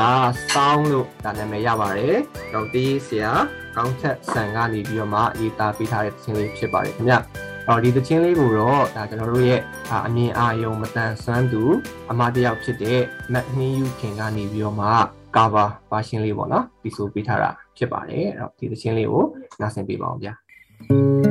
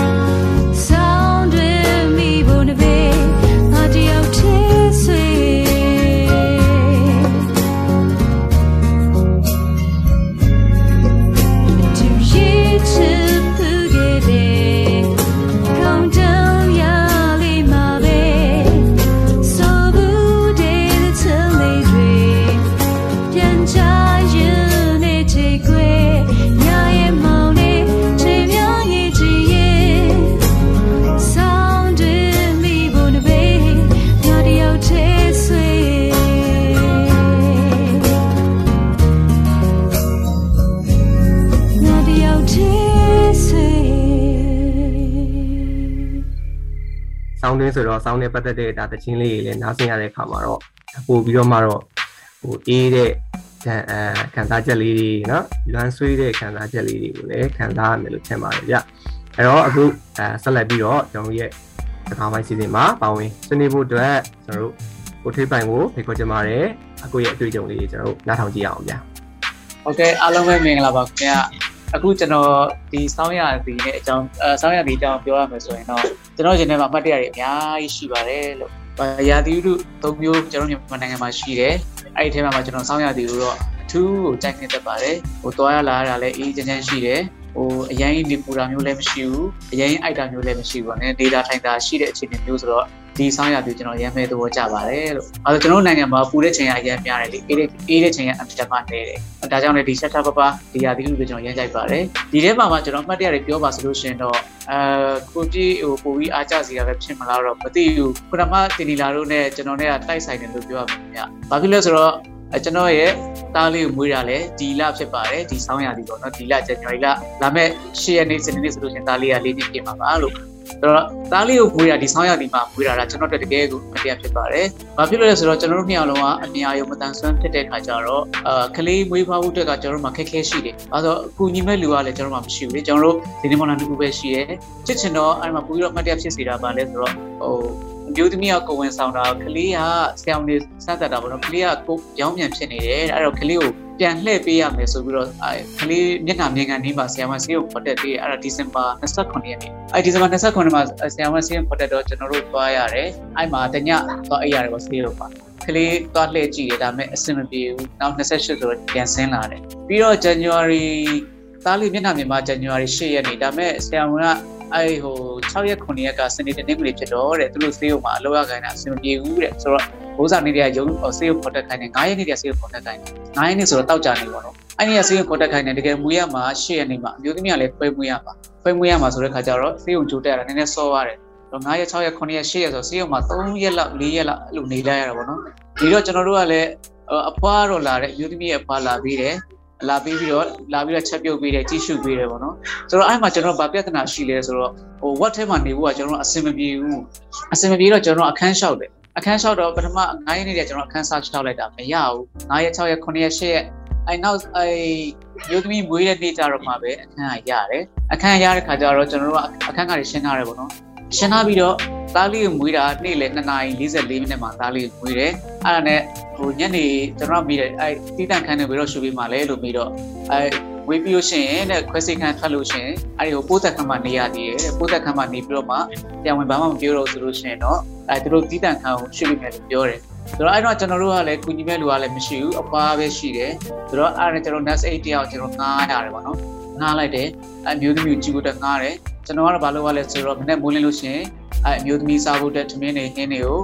ယူတယ်ပြီးတော့မှရင်နွေးတို့အဲစားသဖြင့်ပေါ့နော်လိုအပ်တဲ့ပစ္စည်းတွေအကုန်လုံးကျွန်တော်ဆွဲချင်းတစ်လုံးထဲမှာထည့်ပြီးတော့မနေ့မိုးလင်းလို့ရှိရင်လိုင်းကားစီးပြီးတော့အဲဂျပန်ခန္ဓာစေးုံကြီးကိုသွားရတယ်သွားပြီးတော့တနေ့တာအိမ်မှာနေပြီးတယ်လိုအပ်တာလေးတွေဝိုင်းလုပ်ပြီးတယ်ပေါ့ဝိုင်းလုပ်ပြီးညနေကြလို့ရှိရင်ပစ္စည်းပစ္စည်းတွေပြန်သိမ်းပြီးတော့အိမ်ကိုပြန်လာရတယ်နောက်တနေ့အတွက်ပြန်ပြီးတော့အိမ်မှာလာပြန်ပြီးတော့ပြင်ဆင်ရတယ်အဖွားကတော့အိမ်ကနေပြီးတော့ဟင်းနေပြီးဒီနေ့ချက်ပေးတယ်လုပ်ပေးတယ်ပေါ့နော်ကျွန်တော်မနေ့ဆိုလို့ရှိရင်ခုနလိုပဲလိုင်းကားစီးပြီးတော့ တယောက်တည်းသွားရတယ်စေးုံညနေကြလည်းအဲ့လိုပဲတယောက်တည်းပြန်လာရတယ်ဟိုမှာတော့စေးုံမှာတော့အယူသမီးနဲ့စိတ်နဲ့တော့ထားထားရတော့ဆိုတော့အဲ့နေ့ကမွေးပြီးတော့ဘာဖြစ်လဲဆိုတော့မွေးပြီးညနေကျွန်တော်ပြန်လာတယ်။အော်သူတို့ခဏလေးပိုးသက်ခန်းနေထွက်လို့ရှိရင်တော့ဒီတန်းကောင်ရောက်မှာပဲဆိုပြီးတော့ကျွန်တော်စိတ်ချပြီးတော့ပြန်လာလိုက်တယ်။ပြန်လာပြီးတော့ညဘက်ကျွန်တော်ဖုန်းဆက်တဲ့ခါကျတော့ဟိုတီးတန့်ခန်းကိုမရွှေ့ရသေးဘူးတဲ့။အမရွှေ့ရသေးဆိုတော့ကျွန်တော်အော်စောသေးလို့မရွှေ့သေးရလားပေါ့နေလိုက်တယ်။ဒီနေ့ညနောက်နေ့မနေ့ကျွန်တော်ဖုန်းဆက်တော့လေမပြောင်းရသေးဘူး။အဲ့ပိုးသက်ခန်းမှာပဲရှိသေးတယ်။ အဲ့နဲ့ကျွန်တော်ကရောက်တဲ့ခါကျတော့ကျွန်တော်သွားမေးတယ်။သွားမေးတော့ကိုကလည်းမသိဘူးလေ။မသိတော့အဲ့ဒီဟို nurse ဦးကိုကျွန်တော်တောင်းပြီးတော့ nurse မတွေအကိုတဲ့ကျွန်တော်တို့နဲ့မဆိုင်ဘူးတဲ့အဲ့ဒါတန့်ရှင်းတွေမေးရမှာဆိုတော့အော်အဲ့ဒါကျွန်တော်တန့်ရှင်းရင်သွားမိတာပေါ့ကျွန်တော်တို့အခန်းကလည်းရှင်းပြီးပြီလို့အဲတကယ်တော့ကျွန်တော်အခန်းကတရက်စာတော့ရှင်းပြီးပြီမတရက်ရဲ့အဲ9000ကျွန်တော်တရက်စာပေးထားခဲ့ပြီးသားလို့ဒါပေမဲ့လူနာအခုချိန်ဒီဟိုတိတန့်ခံမပြောင်းအောင်ဒီဘာဖြစ်လို့လဲလို့ကျွန်တော်သွားပြီးတော့သူတို့ကအရှိလူနောက်လို့စောင့်တာဗျဟိုသူတို့ကနည်းနည်းလက်ဖေးပုံမြန်ရမလားသူတို့ကစောင့်တာကျွန်တော်လည်းအဲ့ဒါမသိဘူးလေ မသိတော့ကျွန်တော်သူ့ကိုတောင်းမိတာပေါ့အဲ့နဲ့ဘေးကတယောက်ကပြောတယ်ကိုတဲ့လက်ဖေးကိုနည်းနည်းပေးလိုက်တော့သူ့လာရွှေ့ပေးမယ်တဲ့အဲ့တော့မှကျွန်တော်လည်းဩဒါထုံးစံပဲလေလို့ဆိုတော့ပေးလိုက်ရတယ်ပေးလိုက်ရပြီးတော့မှကျွန်တော်တို့အဲ့ဝေးလူနာကလေးစီပြန်မရောက်သေးဘူးသူတို့ကလာရွှေ့သွားပြီးကြတယ်ပေါ့အဲ့လိုမျိုးတွေရတာတကယ်ကိုအမှတ်တရဖြစ်ပါတယ်ဘာလို့ဆိုကျွန်တော်တို့ကလည်းဟိုအများရမတန်ဆွမ်းလည်းဖြစ်တယ်ဟိုခက်ခက်ခက်ခက်နဲ့လုံနေရတဲ့အခြေအနေမျိုးမှာဒီလိုမျိုးကြီးအဟံတာဖြစ်တာကြောင့်ကျွန်တော်တို့တော်တော်လေးကိုအဆင်ပြေဖြစ်ကြတာပေါ့နော်အဲ့မှာဟိုဟိုဘယ်လိုပြောမလဲ တက်လီကတက်တာစင်နာရီကအစကျွန်တော်ကျွန်တော်တို့ကတယောက်တည်းလောကကန်ရတဲ့ခါကျတော့အဲ့မှာတားလေးမွေးတာကျွန်တော်တို့တကယ်တကယ်ကိုစောင်းရသေးရဲ့အမှတ်တရလေးဖြစ်ပါတယ်တကယ်ကိုလည်းအမှတ်မှတ်တသားရှိခဲ့ရတာပေါ့အခုဆိုလို့ရှင်တားလေးလည်းလေးနှစ်ပြည့်တော့မလေးကြာခင်မှာဒါမဲ့ရှင်းနေဆိုလေးနှစ်ပြည့်ပါပြီဒါကျွန်တော်ရဲ့ကျွန်တော်တို့မိသားစုရဲ့စောင်းရသည်ရဲ့တကယ်ကိုအမှတ်တရစစ်စစ်လေးဖြစ်ပါတယ်အဲနောက်တစ်ခုကျွန်တော်ထပ်ပြီးပြောချင်တာကတော့ခုနကိုစိန်နဲ့ကျွန်တော်နဲ့တူတယ်ကျွန်တော်လည်းခရစ်မတာဘူးဆိုတော့ဟိုလွန်ခဲ့တဲ့နှစ်တည်းရဆိုလို့ရှင်ကျွန်တော်တို့ကကယ်ရိုစင်ကင်းနဲ့လက်ရတယ်ဗျ လက်ရတဲ့ခါကျတော့ဘာအမှတ်တရလေးဖြစ်ခဲ့လဲဆိုတော့တစ်နှစ်အဲ့ဒါကျွန်တော်နည်းနည်းတော့ငယ်သေးတယ်လွန်ခဲ့တဲ့ဟိုစားလောက်ရှိမယ်တဲ့နှစ်နှစ်20ကျော်ကျော်လောက်ကရှိလိဖြစ်လိကျွန်တော်တို့မိုးလင်းပေါက်ကယ်ရလှည့်ရတာတစ်ခေါက်ရှိတယ်ညဘက်အဲရကင်းကန်ဘက်တောင်မွေဘက်ကိုလှည့်တာပေါ့နော် လှည့်တော့ကျွန်တော်တို့တညလို့မချင်းဆိုလာတယ်ဆိုလာတော့2နာရီ3နာရီလောက်ထိဆိုနေရတော့မယ်ဆိုကျွန်တော်အရင်အိတ်ချင်အရင်အိတ်ချင်နေအ3နာရီကျော်ကျော်လောက်ဖြစ်မယ်ထင်တယ်အဲ့နဲ့အိမ်အိမ်ရောက်တော့ကျွန်တော်ကားပေါ်ဆင်းကြရောဆင်းကြတဲ့ခါကျတော့ကျွန်တော်ကျွန်တော်တွဲတာတော့လူတော့ရှိပါတယ်ဒါပေမဲ့အဲ့လူဟိုတွဲတာကျွန်တော်ပြင်နောက်2ယောက်လောက်တော့ရှိသေးကျွန်တော်နောက်ဆုံးလူဖြစ်သွားတော့နော်တွဲတဲ့လူရဲ့နောက်ဆုံးလူဖြစ်သွားတဲ့ခါကျတော့ သွားတယ်သွားရဲသွားရဲနဲ့အရှိရလူပြောတာကိုကျွန်တော်မကြားလိုက်ဘူးဟိုသူပြောတာကဘယ်ဘက်နည်းနည်းကက်လို့ပြောလိုက်တာဒါပေမဲ့ကျွန်တော်ကြားလိုက်တာအရှိနေနေတူးလို့ကြားတော့ကျွန်တော်မျက်နှာမူတဲ့ဘက်ကိုတိုးလိုက်တော့ဟိုကျွန်တော်ရက်နေတဲ့အရှိတက်တဲ့တိုးလိုက်ကျွန်တော်ညောင်းနေကိုစောင်းခြေစုံရက်လေအကျသွားကျသွားတဲ့ခါကျတော့အဲ့ညောင်းကလည်းရှုံွက်တွေကလုံးဝအပြည့်ဆိုတော့ဟိုခြေပြားကနေပြီးတော့ဒူးကောင်းထိကလုံးဝနှိမ့်ဝင်သွားတာအဲရုံးလေနစ်လေဖြစ်သွားတာအကူရုံးလို့မရတော့သူများလက်ဆွဲထုတ်ပြရတယ် အဲဆိုတော့ဖြစ်ကျင်တော့တကူလုံးကရှုံးပတ်တွေပြီးသွားတယ်ညကြီးဆောင်းကလည်းအဲ့ညတော်တော်အေးတဲ့ဆောင်းပါတော့အေးတဲ့ဆောင်းဆိုတော့ဟိုရှက်လည်းမရှက်နိုင်တော့အေရှင်လည်းအာနာနာနဲ့ဝတ်စားလေးစုံလောက်ပေးပါလို့သွားပြီးတော့အကူကြီးတောင်းရတယ်ဝတ်စားစုံလောက်ပြီးတော့တောက်ကူကြီးတောင်းပြီးတော့မှအဲ့အိမ်မှာပဲအာမနာပဲရေတောင်းချိုးရတယ်ရေတောင်းချိုးပြီးတော့မှအဝတ်စားသူတို့အေရှင်ပေးတဲ့ဝတ်စားကိုလဲပြီးတော့ကျွန်တော်ပြန်လာတယ်ပေါ့ဒါလေးကကျွန်တော်ရဲ့လုံးဝဟိုဆောင်းရသည်မှာ Christmas နဲ့ပတ်သက်တဲ့တကယ်အမှတ်တရလေးပါလို့ဟုတ်ကဲ့ပါကိုလေးခင်ဗျကျေးဇူးတင်ပါတယ်အဲ့တော့တကယ်ဦးနော်ဒါစုမတ်တရားလေးတွေရောကို တော့မတ်တရားလေးတွေရောပြောရင်းနဲ့အာဒီအကုန်လုံးပြောတာကိုနားထောင်ရင်းနဲ့ဟိုကျွန်တော်တော့ဘိုးချင်းလာပြီတော့ဘာလို့လဲဆိုတော့ကျွန်တော်ထက်ပြီးတော့ပဲနောက်ချိန်ထက်ပြီးတော့အားကြပြန်တာပေါ့နော်ဟုတ်ကဲ့ပါဟုတ်အဲ့တော့ဒီနေရာမှာလည်းကျွန်တော်တို့ဒါကြားချက်ပြီးတော့မိတ်ဆက်ပေးရလို့ရှိရင်ဒါကိုထွေးရဲ့မျိုးသမီးပေါ့နော်မျိုးသမီးကလည်းဒါအမြင်အယုံတန်ဆန်းသူပဲဖြစ်ပါတယ် တို့နှစ်ယောက်ပြောစရာဒါမိသားစုကဘာလေးနဲ့ပေါ့နော်ဒါဟိုအခီကိုစက်တန်းနေကြတာဖြစ်ပါတယ်ခင်ဗျာအဲ့တော့ကျေးဇူးတင်ပါတယ်ကိုဟုတ်ကဲ့ပါ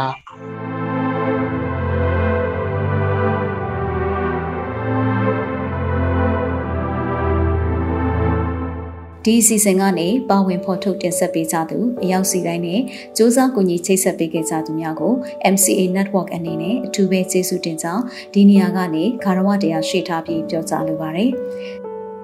ယခုအစီအစဉ်ကိုမိတ်ဆွေတို့အနေနဲ့အစအဆုံးနားထောင်ပြီးပြီဆိုရင်တော့မိမိတို့ရဲ့သဘောထားမှတ်ချက်များကို Anchor မှာအတန်နဲ့စာနှမျိုးလုံးနဲ့ဖြစ်စေ Facebook မှာစာနဲ့ဓာတ်ပုံနှမျိုးလုံးနဲ့ဖြစ်စေပေးနိုင်ပါပြီနော် ဒီအစီအစဉ်နဲ့ပတ်သက်ပြီးမိတ်ဆွေတို့ရဲ့မှတ်ချက်ပေးခြင်းအကြံဉာဏ်ပေးခြင်းမေးမြန်းခြင်းတို့ကိုလည်းအထူးပဲဖိတ်ခေါ်ပါရစေ။မိမိတို့ရဲ့ပူပေါင်းတင်ဆက်မှုအတွက်ဒါမှမဟုတ်စုံစမ်းမေးမြန်းမှုအတွက်စိတ်ဝင်စားတဲ့ဆိုရင်တော့မြန်မာ cinemaability@gmail.com ဒါမှမဟုတ်တင်ဆက်သူများရဲ့ Viber နံပါတ်များဖြစ်တဲ့ကိုပြည့်39 26 125 6493နဲ့မနွေ39 45393632တို့ကိုဆက်သွယ်ဆောင်ရွက်နိုင်ပါတယ်။မိတ်ဆွေတို့အနေနဲ့ဒီစီစဉ်ကိုမတိသေးသူများသိဖို့လိုအပ်နေသူများအတန်ဆွမ်းအရေးကိုမိမိတို့ရဲ့လုပ်ငန်းခွင်အသီးသီးမှာထည့်သွင်းဆောင်ရွက်ဖို့စိတ်ဝင်စားသူညီသူကိုမဆိုထပ်ဆင့်ဝေမျှပေးရင်သတင်းကောင်းပေးနိုင်ပါတယ်။မြန်မာပြည်သူပြည်သားများအားလုံးမတန်ဆွမ်းမှုအသိပညာတွေတိုးပွားကခွဲခြားဆက်ဆံမှုကင်းပြီးအားလုံးအကျုံးဝင်တဲ့လူမှုအတိုင်းအဝန်တစ်ခုကို အမြန်ဆုံးဖော်ဆောင်နိုင်ပါစေလို့ဆန္ဒပြုရင်းဒီကနေ့အစီအစဉ်ကိုဒီမှာရင်ရန်နာပါရစေ။တောတာရှင်အားလုံးနေ့ရက်အသက်တိုင်းမှာကောင်းစည်းမင်္ဂလာပေါင်းများစွာရယူပိုင်ဆိုင်နိုင်ပါစေလို့လည်းကျွန်မကဆုတောင်းမြတ်တာပို့တာအပ်ပါတယ်။နောက်ပတ်စနေနေ့ည9:00နာရီမှာပြန်ဆောင်ကြရအောင်နော်။